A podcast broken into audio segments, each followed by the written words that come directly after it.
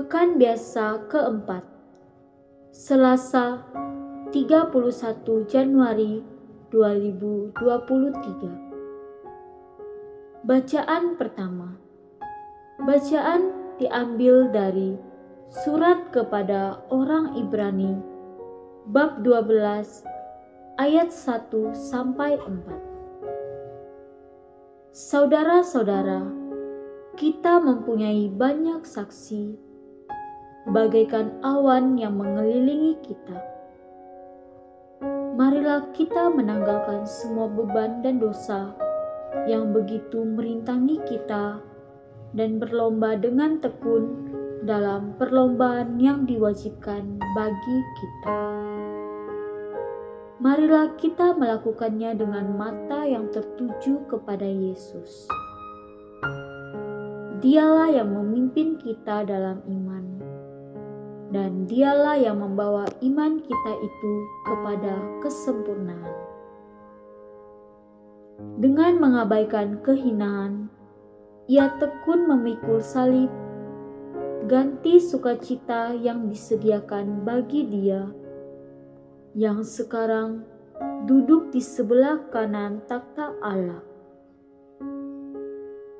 Ingatlah selalu akan Yesus yang tabah menanggung bantahan terhadap dirinya, bantahan yang datang dari pihak orang-orang berdosa. Janganlah kamu menjadi lemah dan putus asa, sebab dalam pergumulanmu melawan dosa, kamu belum sampai mencucurkan darah. Demikianlah sabda Tuhan.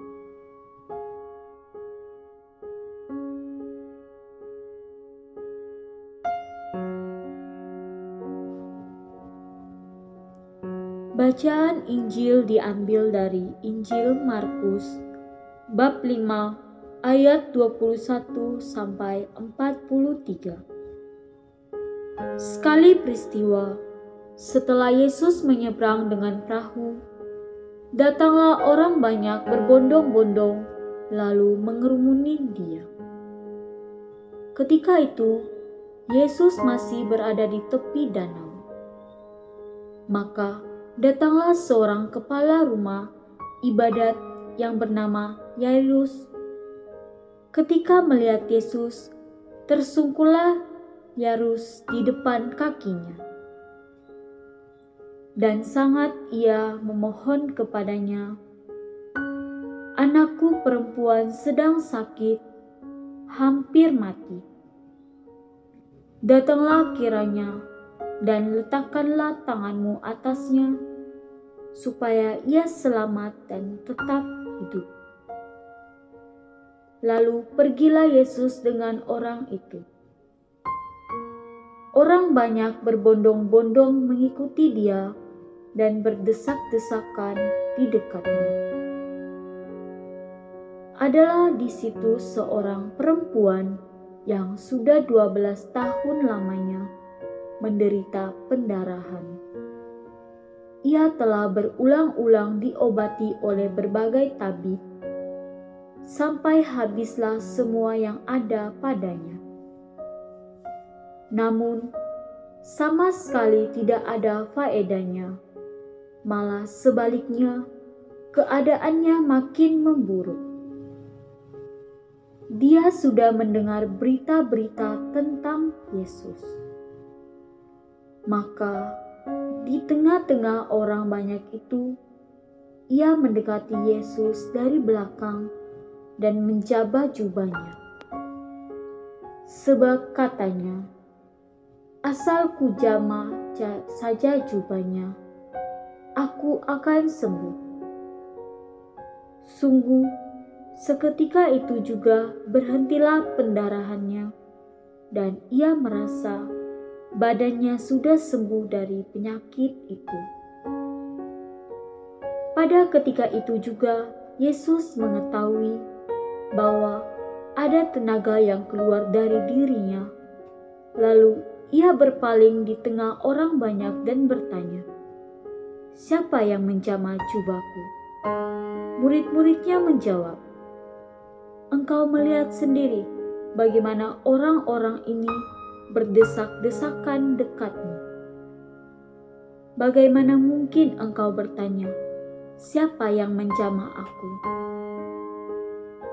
Lalu Yesus memandang sekelilingnya untuk melihat siapa yang telah melakukan hal itu. Maka perempuan tadi menjadi takut dan gemetar sejak ia mengetahui apa yang telah terjadi atas dirinya. Maka ia tampil dan tersungkur di depan Yesus. Dengan tulus ia memberitahukan segala sesuatu kepada Yesus. Maka kata Yesus kepada perempuan itu, "Hai anakku, imanmu telah menyelamatkan engkau. Pergilah dengan selamat dan sembuhlah dari penyakitmu." Ketika Yesus masih berbicara, datanglah orang dari keluarga kepala rumah ibadat itu dan berkata, "Anakmu sudah mati. Apa perlunya lagi engkau menyusahkan guru?" Tetapi Yesus tidak menghiraukan perkataan mereka dan berkata kepada kepala rumah ibadat, "Jangan takut, percaya saja." Lalu Yesus tidak memperbolehkan seorang pun ikut serta kecuali Petrus, Yakobus, dan Yohanes, saudara Yakobus. Dan tibalah mereka di rumah kepala rumah ibadat.